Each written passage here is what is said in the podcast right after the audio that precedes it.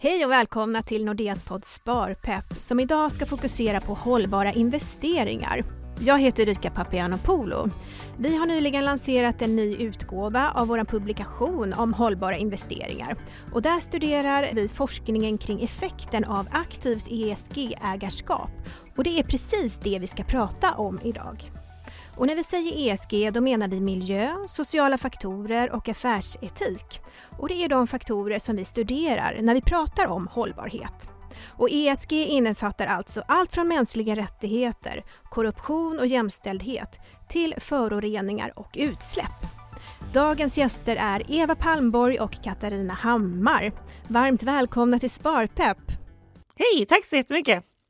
Ja, och eh, du Eva, när du var här och gästade Sparpepp. Eh, senast, då var ju du eh, gravid. Ja, eller hade ätit mycket under corona. Ja, men det var mycket glass där. Men vi får säga grattis, för det har ju kommit en liten son, eller hur? Ja, han kom ut här för, för några veckor sedan, så det är jättekul. Och bra jobbat att vara här redan nu. Ja, det är så extremt spännande ämne, så ja, jag kan inte hålla, hålla dig. Men precis, men jag tänkte att ni kan berätta lite grann vad ni gör här i Nordea. Om du börjar då kort, Eva. Eh, ja, men mitt namn är Eva eh, och eh, jag är ansvarig för Nordeas hållbara investeringserbjudande. Och eh, även för, för publikationen då Hållbara investeringar som vi kommer prata lite om här idag. Mm. Och du Katarina, vad gör du här i Nordea? Ja, jag heter Katarina Hammar och jag jobbar på Nordeas kapitalförvaltning där jag är ansvarig för aktivt ägande inom vårt team som kallas Responsible Investments. Mm. I dagens avsnitt så kommer vi besvara fyra viktiga frågor kopplat till hållbara investeringar och aktivt ESG-ägarskap. Eh, nummer ett, vad är aktivt ägarskap? Hur går det till? Nummer två, vilken påverkan har aktivt ESG-ägarskap? Och nummer tre, varför engagera istället för att exkludera? Och eh, nummer fyra, vilken skillnad kan privatpersoner göra? Men Eva, om vi ska börja med den här frågan, varför vi har valt att studera aktivt ägarskap. Varför är det intressant? Eh, ja, det är många skäl tycker vi, men eh, intresset och kapitalet för hållbara investeringar har ju ökat väldigt kraftigt de sista åren. Det pratade vi ju även om eh, förra gången.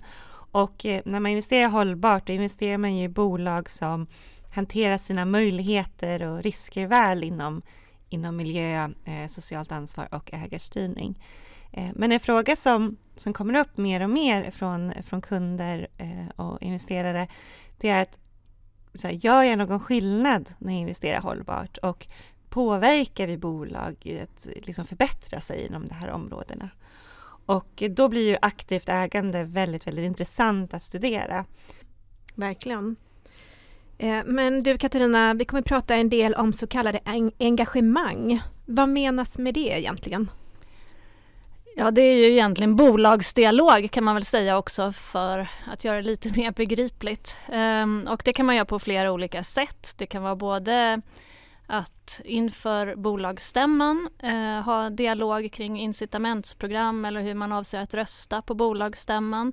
Men det kan också vara att när vi gör ESG-analys så identifierar vi något område där vi tycker att de kan göra mer.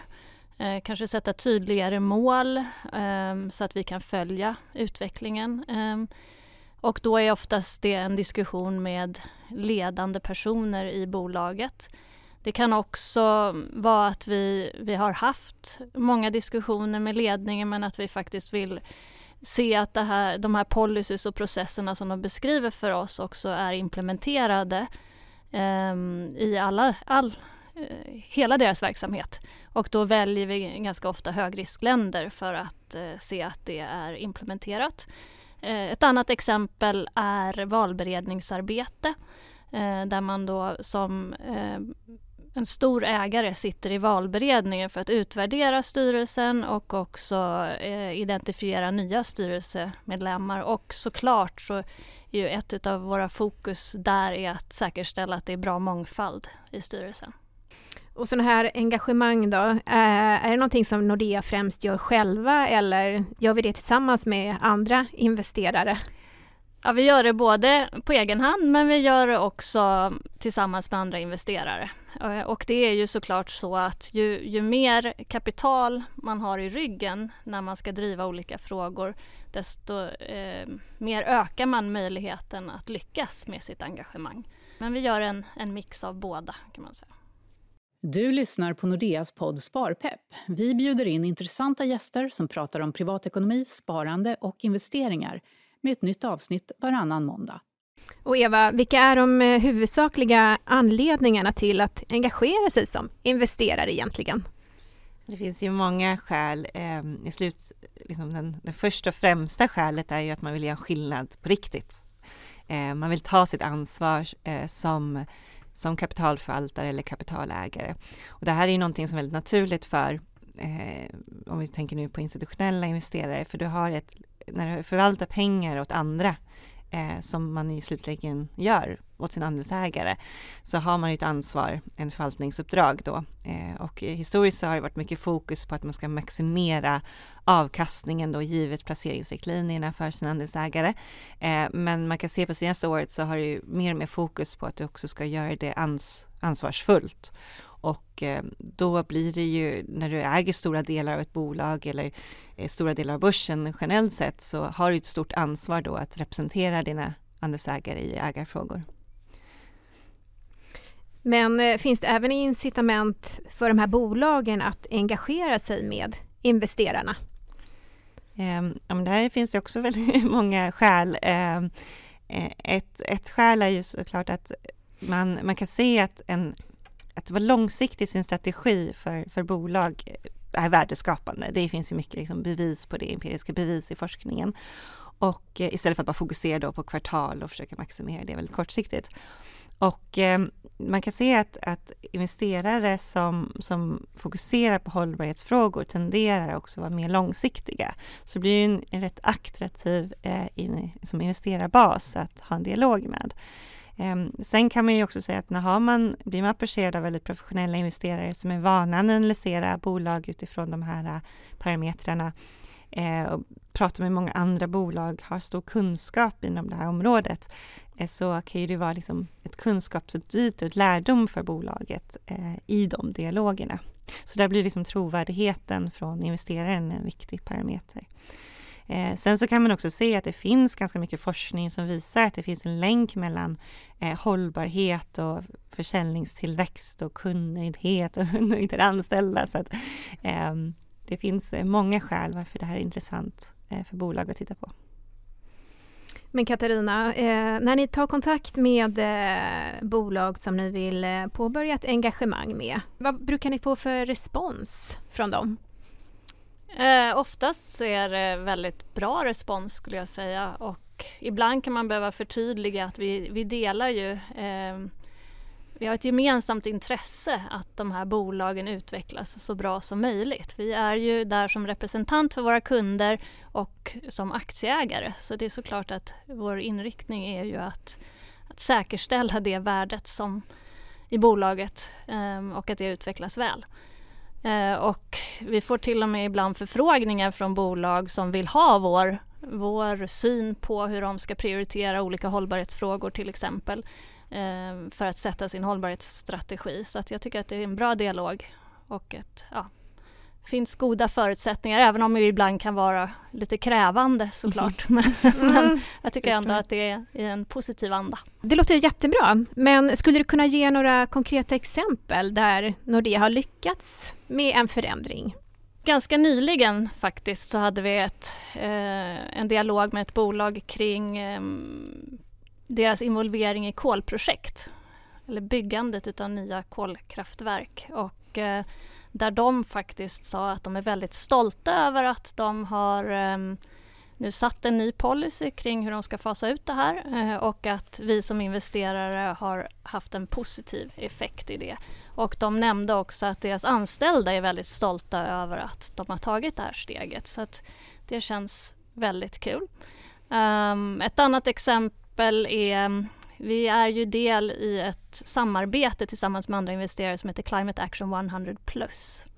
Um, som egentligen um, har dialog med de 160 uh, eh, största utsläpparna i världen och sen har vi fördelat de här bolagen mellan oss uh, för att driva påverkansarbete och där är det flera av de här bolagen bara i den europeiska gruppen så är det 22 bolag som eh, på grund av det här påverkansarbetet har eh, förbundit sig att de ska ha netto jag är så förengelskad.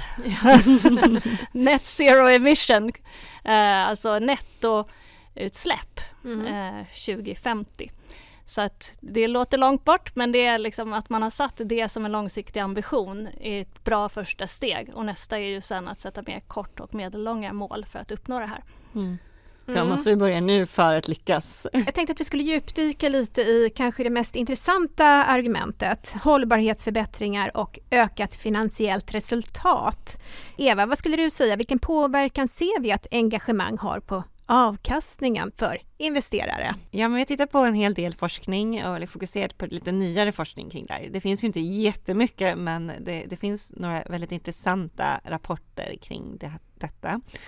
Och eh, vad man kan se är att eh, företag som är delaktiga i ESG-engagemang eh, med investerare i genomsnitt har en bättre avkastning. Eh, och speciellt om de här är ehm, framgångsrika de här engagemangen. Och då kan man ju undra sig varför är det så? Men där ser man ju att när du faktiskt gör ett engagemang med ett bolag så för, gör du ju förbättringar som investerarna tycker är bra. Det är ju hela liksom, vinnande konceptet när du gör ett engagemang.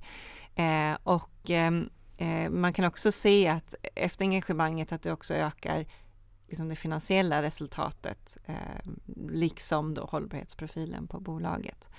Ehm, så det är väldigt intressant. Ehm, sen kan man se att det finns det forskning som djupdyker lite i det här, så vilken typ av engagemang premieras bäst? Eh, och då är ehm, engagemang kring eh, hur bolaget hanterar klimatet en av de faktorerna som premieras bäst. Och det menas att, att investerare då ser att det här ökar värdet på längre sikt eh, i bolaget när de hanterar de här frågorna. Vad är ett eh, framgångsrikt engagemang och eh, hur ofta lyckas de? Ja, det är en bra fråga. Eh, så framgången eh, kan variera lite beroende på vilken forskningsrapport man tittar på. Och eh, det har ett spann på ungefär 18 till 60 procent som angås, liksom, anges liksom framgångsrika. Och när vi pratar om framgångsrika engagemang, eh, då är det ju att när, när man börjar inleda ett engagemang så sätter man ju mål eh, och man sätter milstolpar. Och eh, då när investerare ser att liksom, okay, vi har eh, uppnått en milstolpe eller vi har uppnått ett mål, eh, då, är, då anses man, då klassificerar man det som ett framgångsrikt engagemang. Eh, och när vi tittar på, och det här verkar öka då över tid, så att eh, när man tittar på tids, eh, tidshorisonter eh, eh, som som eh, är lite mer närliggande då, eller mer färsk data, eh, ser man att framgångsfaktorn då har ökat eh, över tid. Så det, och det är inte så konstigt, man ser ju att den här medvetenheten definitivt ökat också de sista, eh, sista åren.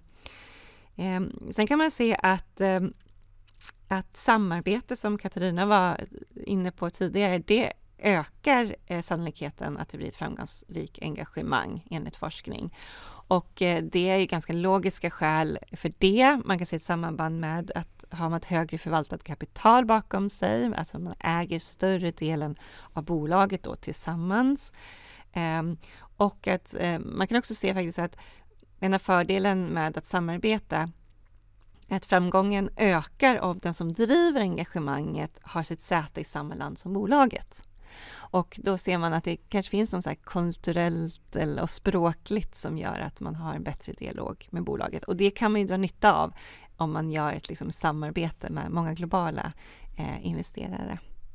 Mm. Eh, sen finns det också en del kostnader inom det här eh, och gör, fördelar du de kostnaderna över flera så, så blir det eh, också mer effektivt. Jag tänker, eh, det finns ju lite olika hållbarhetsteman, men ja, beroende på vad det är för tema, är det olika framgång för de här engagemangen eller? Det finns en skillnad eh, enligt forskning och eh, till exempel man kan se att eh, ägarstyrning är en av de teman som är, har högst andel framgångsrika engagemang. Och när vi pratar om ägarstyrning så pratar vi om eh, styrelsesammansättning, aktierättigheter, transparens eh, till exempel. Och eh, det här anses nästan vara de enklare Ehm, faktorerna eh, för bolaget att förbättra. Eh, sen kan man säga att miljö då menar man alltså hur miljöstandarder, utsläppsnivåer och hur man hanterar avfall till exempel eh, anses vara väldigt svårt att förbättra. Eh, det tar längre tid, eh, så investeringar måste vara mer uthålliga. Eh, men när du väl ehm, lyckas med det så har det en ganska stor effekt på ESG-profilen på bolaget. Eh, så det är ett väldigt viktigt område att faktiskt engagera sig i om man vill göra en förbättring då eh, på ESG-profilen. Vilka sådana här engagemang är vanligast för eh, Nordea att göra? Vi pratar oftast om tre olika typer utav engagemang. Den ena är mer incident, att det händer någonting i bolaget. Det kan vara korruptionscase eller något liknande som vi då har dialog kring. Ehm, och sen så analyserar vi också om det är bolag som bryter mot internationella normer, så det är inom samma kategori. Uh, och sen så har vi tema-engagemang kallar vi det för och där har vi fokusområden då som är klimat, mänskliga rättigheter, bra ägarstyrning och uh, vatten. Och det är ju mer långsiktiga ESG-trender som vi tycker behöver adresseras. Och sen den sista delen kallar vi investeringsledd engagemang och det är ju mer då baserat på den analysen som jag sa som vi sen kan koppla ihop till själva investeringen helt enkelt och områden som kan förbättras och därmed ha en positiv eller negativ inverkan på vår syn på det här bolaget. Och sen så jobbar vi både då med eh, miljö, sociala och ägarstyrningsfrågor. Eh, och när man tittar på vår statistik så är det väl lite mer eh, miljö och ägarstyrning skulle jag säga. Ehm, men den sociala delen eh, är också viktig. Låter som att vi gör en hel del här i Nordea. Men hur står vi oss gentemot eh, konkurrenterna? Gör vi mer än dem? Ja, det är lite speciellt att prata i egen sak. Men jag, jag, skulle säga att vi är ledande i Norden och även bland de främsta i Europa. Eh, både när det gäller eh, hur många vi gör eh, och hur framgångsrika vi är. Eh, vi har lite exempel också på, på sätt att arbeta som är ganska unika. Till exempel då inom läkemedelsindustrin har vi under flera år drivit eh, ett engagemang för att påverka egentligen hela sektorn till att eh, hantera riskerna i leverantörskedjan i Indien. och det är också ett initiativ där vi vann ett pris i år från Environmental Finance som är en tidning eh, som bästa engagement-initiativ eh, i år. Eh, och det, det som är väldigt mycket liksom, eh, vad ska man säga, högt på agendan det är ju att, att ehm, göra påverkan på riktigt i världen. Real world impact som vi så vackert kallar det. Mm. så att det är väl ett exempel på liksom en unik approach och sen så är det ju såklart också att eh, ha de här fokusområdena och prioritera för det finns ju många spännande saker att ta tag i. Jag kan nämna också att en, en av eh, framgångsfaktorerna eh, som också forskning eh, visar och stödjer är att ehm, investerare som har liksom kunskap, de har många tidigare erfarenheter eh, och är duktiga på det här att just visa den liksom finansiella materialiteten i engagemanget eh, lyckas bättre eh, med sina dialoger och har en högre fram, andel framgång i sina engagemang än mer oerfarna eh, investerare inom mm. det här mm. området. Prenumerera gärna på Sparpepp i din podcast-app så missar du inga nya avsnitt. Och nu tillbaka till dagens avsnitt. Men går det att göra skillnad på andra sätt än via sådana här engagemang? Det som mycket diskuteras är ju att eh, exkludera bolag eller sälja av bolag eh, och där får jag oftast ganska mycket eh, uppmärksamhet när, när stora investerare går och säger att nu ska vi sälja av allt vårt innehav i det här bolaget eller i den här sektorn. Och eh, i teorin så, så kan det definitivt funka. Eh, man, kan, man vill liksom öka tanken bakom att man säljer av någonting, det är att man vill påverka liksom finansierings eller kan vara att man vill påverka finansieringskostnaden för de bolagen. Och eh, Eh, som man inte tycker då agerar hållbart. Och på så sätt eh, med ett högre finansieringskostnad så blir det liksom svårare för de här bolagen ehm, att eh, vara verksamma och lansera då ohållbara projekt om de är mindre lönsamma till exempel. Ehm, men i praktiken så kan det här vara utmanande, speciellt om vi tittar på liksom den globala, liksom större aktiemarknaden. För att då handlar det om att det man, aktier handlas ju på sekundärmarknaden så att om vi säljer någonting så finns det en annan som köper. Så länge man inte ändrar någonting som är fundamentalt med bolaget eh, lönsamheten till exempel, så kan det oftast finnas en annan eh, investerare som är villig att investera i bolaget, som inte har det här fokuset. Och eh, man kan ju säga också, så, så länge du äger aktien så är ju det ditt trumfkort. Eh, du kan alltid då, liksom när du för en dialog med bolaget, säga liksom att om inte vi gör de här förbättringsåtgärderna så säljer vi av. Ehm, och du, har, du kan rösta på årsstämmorna, du kan engagera, liksom vara med i nomineringskommittéer till exempel.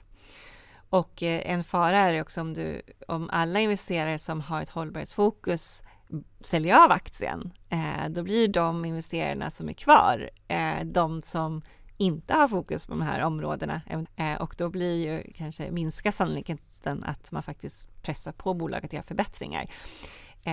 Men givet det då så finns ju definitivt skäl också i vissa fall att sälja av. Till exempel om bolaget inte lyssnar och de inte över tid inte gör några förbättringar. Då måste man ju som investerare ta ett beslut att vill jag vara exponerad mot de här riskerna eh, eller, ska, eller ska vi liksom säga nu är det nog liksom och sälja av. Och eh, man kan också få en ganska indirekt effekt om man går ut och gör det publikt och pratar med media och då kan liksom nästan eh, stigmatisera det här bolaget eh, och på så sätt påverka ehm, perceptionen av bolaget. Du nämnde ju lite kort exkludering, men hur ställer sig Nordea till exkludering och görs det? Det händer att det görs. Eh, vår ambition är alltid att ha en dialog med bolaget men skulle det vara så att någon absolut inte vill det, vilket är ja, eh, väldigt ovanligt, eller att vi under lång tid ser att det här, de, de gör inga framsteg, eh, då skulle det kunna hända. Det senaste exemplet är JBS som är en brasiliansk köttproducent. Eh, men sen har vi också på vår exkluderingslista som man hittar på, på nätet så är det mest bolag som är kopplade till eh, kärnvapenproduktion eller eh, att de bryter kol. Eh, och där är det ju mer att vi har tagit ställning i, dess, i de frågorna för att vi inte tror långsiktigt att det är eh, en bra investering. Nu har vi pratat lite grann om eh, forskningsresultat, men vi kan prata lite om hur Nordeas angreppssätt ser ut. Hur, hur väljer Nordea ut vilka engagemang som vi ska göra och hur går den processen till? Ja, då, det är där våra fokusområden kommer in och även då den här processen som jag sa att vi, vi eh, utvärderar alla våra bolag regelbundet för att se om det är något bolag som bryter mot internationella normer. Så det är liksom steg ett. Och steg två är ju då de här fokusområdena klimat, mänskliga rättigheter, bra ägarstyrning och vatten. Eh, och sen så då identifiera bolag som är eh, särskilt exponerade mot dem. Jag tog exemplet klimatfrågan så att de bolag med, med mest utsläpp och som behöver ställa om mest eh, blir ju såklart en prioritering. Eller när det gäller mänskliga rättigheter så har vi varit med och skapat någonting som heter Corporate Human Rights Benchmark som utvärderar bolags eh, processer och hantering av mänskliga rättigheter. Och fokus har då varit på vissa sektorer är ju mer exponerade än andra. Um, så att då har vi både fokuserat på vissa sektorer men också på de bolag som är riktigt dåliga där. Så att det är väl lite exempel för att, för att förstå hur det går till. För att vi har ju många bolag som sagt.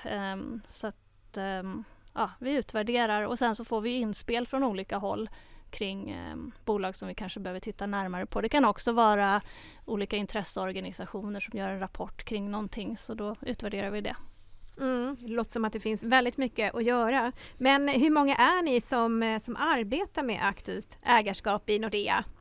Ja, på kapitalförvaltning så är vi 18 stycken om man ska bara räkna teamet för ansvarsfulla investeringar. Men sen kan man ju säga att, att hela förvaltningen är involverad i i och med att vi har ju dialog med bolag på olika sätt och på olika nivåer. Eh, och sen så har vi fondbolaget där eh, eh, de som är ansvariga för röstningen sitter och det är två personer. Så att, eh, ja, du frågade tidigare om är, är, hur står vi oss mm -hmm. jämfört med konkurrenter och jag skulle säga att vi står oss väldigt bra och satsar mycket resurser på det här. Det låter väl väldigt bra. Det är så väldigt viktiga frågor. Men eh, ibland kanske det kan vara svårt att öppet berätta om det som vi gör. Varför är det så? Alltså det är ju en balansgång att skapa förtroende eh, i dialogerna med bolaget. Eh, och då kanske man inte vill gå ut med det här. Eh, och det, det, det, kan ibland vara känsligt och också i syfte då att skapa, skapa en bra relation och förtroende för att komma vidare i de här samtalen. Så att det är väl hela tiden en balansgång som vi måste ha i åtanke. Nu har vi pratat eh, om att stora institutioner kan göra påverkansarbete. Men jag tänker som en vanlig privat investerare, vad kan eh, vi göra för att dra nytta av aktivt ägarskap? Ja, det är att välja en förvaltare som jobbar med de här frågorna eh, och utvärdera att förvaltaren faktiskt lägger resurser och har en bra process för att och också kan beskriva exempel på där man har åstadkommit förändring. Det är det som driver oss, att vi använder våra kunders pengar för att påverka på ett ansvarsfullt sätt. Mm. Och om man är intresserad av de här frågorna, var hittar man mer information, Eva? Eh, ni kan läsa den här rapporten eh, som kommer ligga här på Nordeas hemsida. Eh, sen kan ni också såklart läsa eh, om vårt hållbarhetsarbete inom Nordea. Eh, vad vi gör på Nordea, eh, också på vår hemsida.